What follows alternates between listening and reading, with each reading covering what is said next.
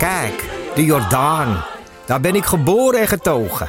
De nieuwe Nederlandse musical Onze Jordaan van Diederik Ebbingen is dit najaar in de theaters te zien. Koop nu uw kaarten op onzejordaan.nl. In de podcast Radio Romano met Noortje Veldhuizen Met Marcel van Roosmalen. En met Roelof de Vries. brengen we alle drie elke week een zogenaamde signalering mee. Wat heb jij nou weer bij je? En aan het eind bepalen we wie de winnaar van de week is. Echt een angstcultuur Lege huls die je er bent? Ja, dat gaat eigenlijk altijd onvriendelijk. Luister nu naar Radio Romano bij Podimo. Via podimo.nl slash Radio Romano luister je 30 dagen gratis.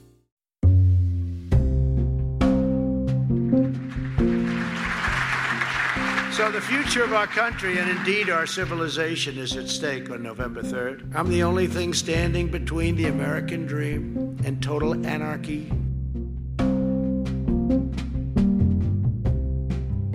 Democracy was never meant to be transactional. You give me your vote, I make everything better.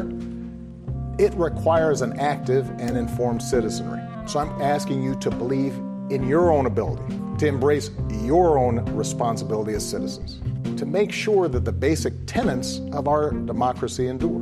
Because that's what's at stake right now our democracy. Under this administration, authoritarianism has taken root in our country. I and my family, and many of yours, know the insidious way authoritarianism destroys democracy, decency, and humanity. Nero fiddled while Rome burned. Trump golfs. Welkom bij Radio Amerika, de podcast van de Groene Amsterdammer over de Verenigde Staten in 2020. Rondom de presidentsverkiezingen van volgende week spreken wij elke paar weken over een belangrijk politiek moment, over de achtergronden daarvan en over de mogelijke gevolgen voor de presidentsverkiezingen tussen de zittende Amerikaanse president Donald Trump en zijn uitdager Joe Biden. Ik ben Rutger van der Hoeven, de buitenlandredacteur van de Groene Amsterdammer, en ik bel vanaf de redactie in Amsterdam met onze correspondent in de Verenigde Staten, Casper Thomas. Casper, jij wilde gisteren Radio Amerika wel opnemen via de telefoon vanaf een rally van Trump, als ik het goed heb begrepen. En nu zit je gewoon thuis, klopt dat of niet? Ja, dat klopt. Omdat ik dacht eigenlijk dat we gisteren zouden opnemen. En eh, toen was ik in, eh, in, in Lancaster, Pennsylvania. eh om dacht, ja, ik ga toch nog even een keer naar zo'n Trump rally. om even te kijken, is het, zijn, zijn dat nog steeds zulke spektakels? Wat, wat, wat, wat zegt de president daar natuurlijk? En, en misschien ook wel een beetje vanuit de vraag, misschien, misschien zijn ze er straks wel niet meer, de Trump rallies. Eh, het is nog spannend, de, de, de verkiezingsuitslag. Maar het was misschien wel een van de laatste. Dat is een mogelijkheid. Dus ik wilde dat echt graag nog even een keer mee, eh, nog een, graag, graag een keer meepakken. Ja, ik heb in 2016 op dezelfde manier zo'n Trump rally bijgewoond. Toen dacht ik ook van, nou ja, als hij niet wint, dan is dit toch een kandidatuur waar nog heel lang over wordt gep- gepraat. Dus ik had ook mijn perskaart bewaard en zo. Maar ja, prompt won hij en begon hij ook ehm rallies te houden alsof het eh, elke, elke maand verkiezingen was. Dus, ehm, en wie weet... Nou, dat was gisteren trouwens ook hoor. Dat was echt, dat, het, het maf is elke keer als je weer Trump luistert. hij is vier jaar president geweest, maar hij eh, gedraagt zich als de, als de uitdager, als het ware. eh, die, die, die zich moet invechten. Je zou, als je dat zou horen, dan, dan zou je niet doorhebben dat er iemand staat die al aan de macht is. Eh, en ook weer trouwens enorme opkomst. Het, was, eh, het zat mutvol, je kon er niet meer, kon, je kon er niet meer bij. Eh, het was koud, het was regenachtig. dus Pennsylvania liep echt, wel, liep echt wel warm weer voor Trump, wat ik gisteren kon zien. Ja, en nou ja, die hoge opkomst en die grote belangstelling... die heeft misschien te maken met het thema van deze week. Want deze week gaan we kijken naar het luchtige verkiezingsthema... het einde der tijden. De presidentsverkiezingen in de Verenigde Staten gaan al decennia lang gepaard aan apocalyptische retoriek over het immense belang van de verkiezingen en de onvoorstelbare gevolgen als de andere kant wint. Maar dit keer lijkt het ook alsof het eindtijdgevoel extremer is dan ooit. En we kwamen op dit thema omdat Casper vorige week aan het einde van de uitzending vertelde dat de stemming in Washington zo voelt. En ik moest daaraan denken toen ik sprak met een vriendin. Dat was ook afgelopen week die naar Nederland is geëmigreerd vanuit Georgia.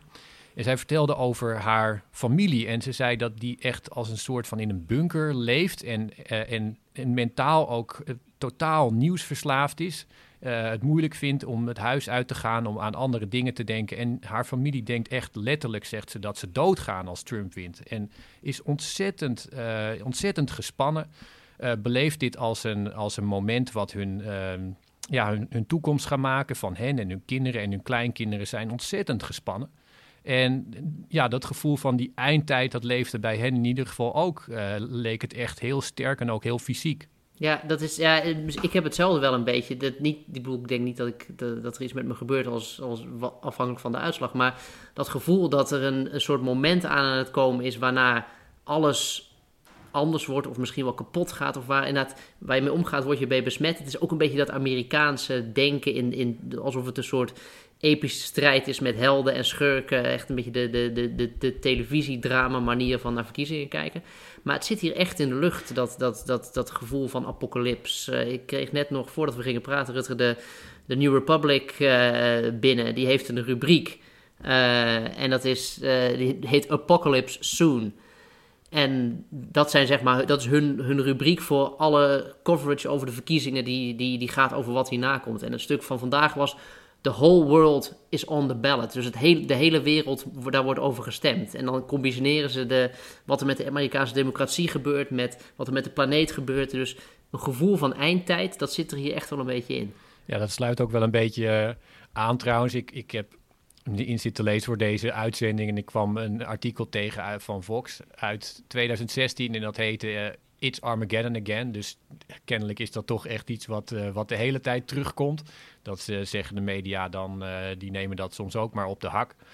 Um, er is, en er is een lange geschiedenis van. Ik heb dat um, ja, na, nagelezen. Ronald Reagan is daar een grote naam in.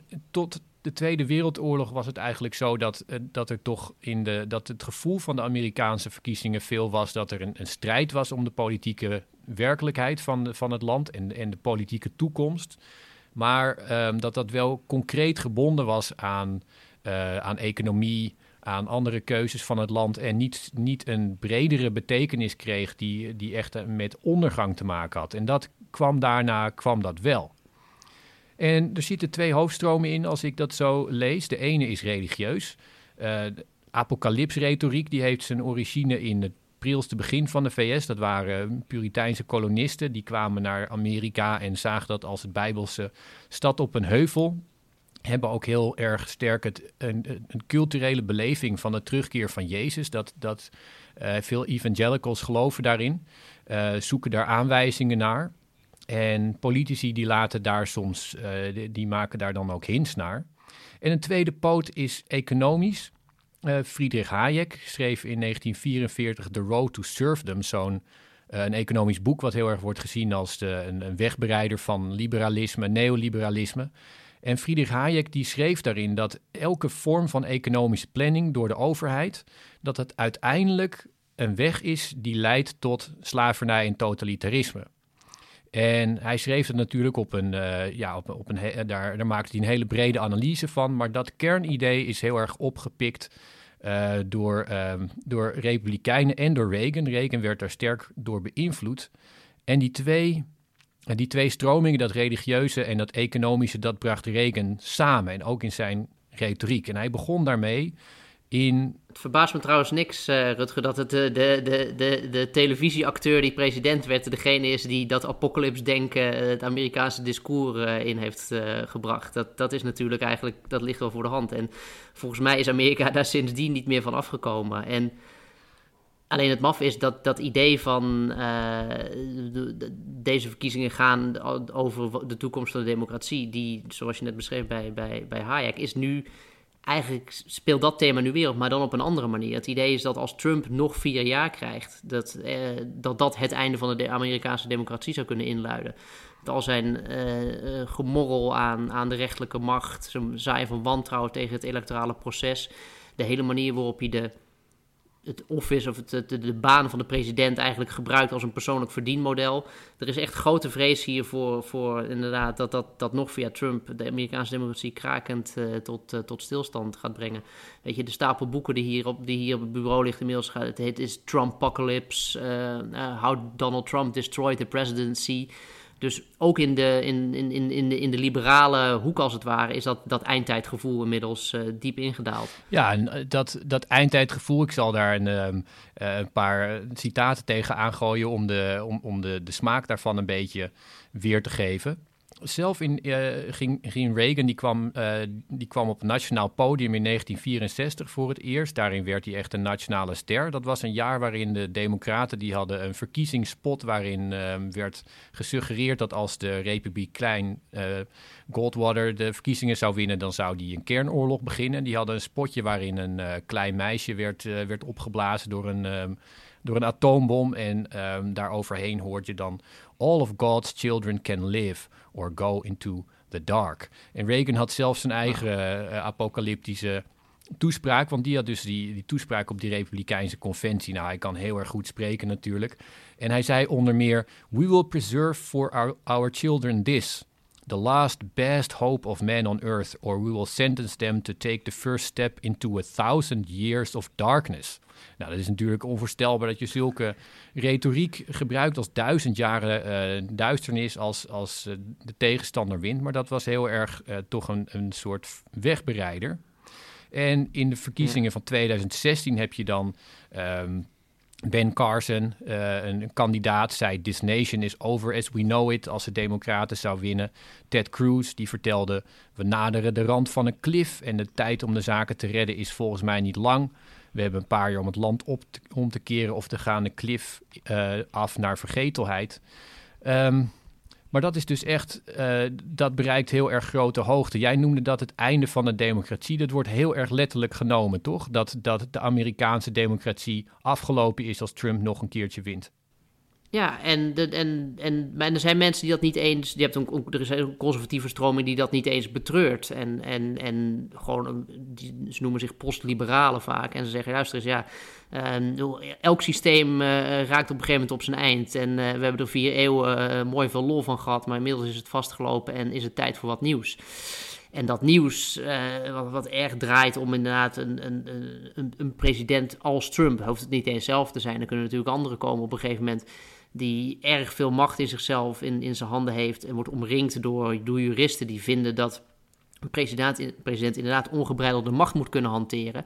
Dus je ziet als het ware de, de, de kiemen van een, uh, een, een, een postliberaal of autoritair model hier ontstaan. Of dat echt de toekomst van Amerika is, dat is natuurlijk de cliffhanger. Dat, dat zien we weer in volgende episodes. Dus dat, dat, het, filmische zal er altijd blijven.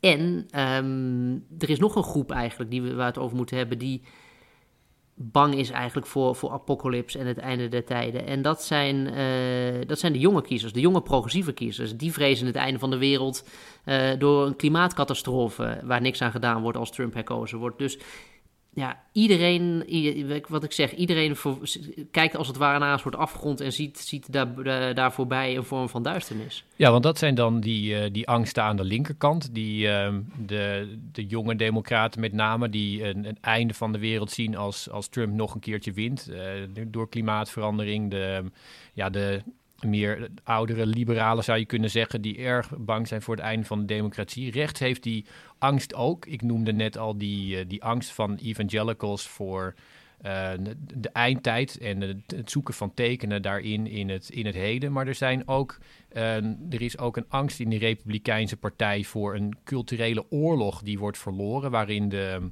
democraten de culturele waarden van Amerika gaan ondergraven en ook gaan omvolken. Er is grote angst in de uh, Republikeinse Partij dat uh, via immigratie de, de democraten het land willen veranderen. En um, dat heeft dat idee gevoed dat uh, verkiezingen een soort Flight 93-election zijn. Dat is een, een, analogie die bedacht is door een conservatieve denker in, in Californië. Waarbij de verkiezingen worden voorgesteld als een moment waarop de cockpit moet worden bestormd. Omdat anders het land voor altijd verloren gaat. En dat heeft ook te maken met demografische trends die de Republikeinse Partij in zijn nadeel ziet uh, ziet lopen. Dus de Verenigde Staten die veranderen, waarin het kernelectoraat van de Democraten groeit en het kernelectoraat van de Republikeinse Partij krimpt. En daarom is dat gevoel in die Republikeinse Partij van dat. Van, uh, van, van die ramp, van die eind, tijd en die enorme betekenis van, van elke verkiezing ook zo groot.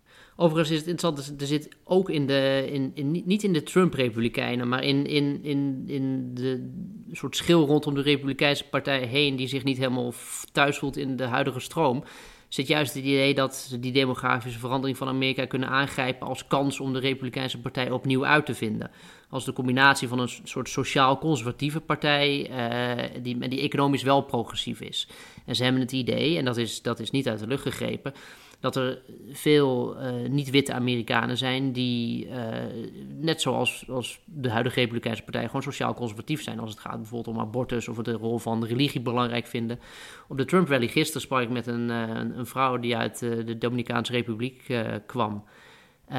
En die zei, ja, weet je, bedoel, Trump is de kandidaat van God. En bedoel, en, en daar, daarom stem ik op hem. Dus het idee dat die etniciteit een soort automatisch richting de democraten leidt... Dat, dat staat wel een beetje op de helling. Ja, dan moeten natuurlijk wel de, de thema's van de Republikeinse Partij er ook op aansluiten. En inderdaad, met um, het thema God hebben ze, een, hebben ze een, de Hispanics bijvoorbeeld... die daar sterk op aan, aanslaan. Economische vrijheid zou, zou ook breed aanslaan, maar dat thema waar, waar Trump erg op, op richt, ja, daarmee uh, heeft hij toch het gevaar dat als hij zich erg richt op die, die witte kiezer, dat dat wel in het nadeel van die, die partij werkt. Maar goed, hij. Wat ik me trouwens afvraag, we hebben het er nu over voor deze podcast aan het einde der tijden. En, en wat ik zeg, het, aan de ene kant is het heel reëel. Mensen spreken erover, het, mensen schrijven erover. Maar hoe, ik, vraag me af hoe jij dat vindt. Maar ik, hoe, hoe moet je dat nou, wat moet, wat moet je daar nou journalistiek mee, vraag ik me wel eens af. Want het is een soort abstract onderwerp. Moet je het nou zien als iets overdrevens, Amerikaans? Moet je het serieus nemen? Ik, ik worstel daar best wel mee. Ik weet niet hoe jij daar, uh, hoe jij, wat jij daarvan vindt. Ja, ik denk dat er twee, twee dingen aan zitten. Aan de ene kant is het inderdaad iets wat je, wat Amerikanen houden gewoon enorm van een show. Die, uh, die houden ook van uh, veel beleven hun verkiezing toch uiteindelijk ook als een show. Um, noemen dat ook zo. Aan de andere kant zijn er, is, er, is er toch ook een hele serieuze en zorgwekkende onderlaag aan. Uh, hoe groter dat gevoel van een apocalyps wordt uh, en, en hoe erg het wordt als de tegenstander er is, dat kan gewoon tot leiden tot geweld. En er wordt voor deze verkiezing regelmatig voor gewaarschuwd. Ik hoop niet dat het zo is. Maar het kan zeker. Ja, en, en, de, ja, ja, ja, en, de, en, en de klimaatcatastrofe is geen fictie. Kijk, dat is, dat is natuurlijk. Dus ik vind dat eigenlijk de meest harde, meest tastbare uh, kant van dat, dat eindtijdsdenken hier. Dat, dat bedoel, nog vier waarin Amerika niet meedoet uh, aan het tegengaan van de opwarming van de aarde, dat is, dat, dat, dat, dat, dat is wel echt serieus. En je ziet dus voor mij, dat is dus ook echt een motivatie voor. we hebben er straks een mooi stuk over in, in, in, in De Groene van deze week. Maar dat is echt een motivatie voor jonge kiezers uh, die, om, om naar de stembus te gaan. Uh, dat heeft Laila Frank, die voor ons door Amerika heeft gereisd, ook opgetekend. En weet je, dus die, die, die. Dus, en ik merk ook als je met mensen spreekt, mensen gaan niet eens op Biden stemmen omdat ze uh, Biden nou zo geweldig vinden. Die mensen bestaan ook. Maar heel veel mensen gaan gewoon voor, op Biden stemmen omdat ze Trump zien als de apocalyps van Amerika. En ze zeggen, weet je, we mogen gewoon niet nog. En die drijfveer die is zo groot. Daardoor gaan we denk ik enorm hoge opkomst zien.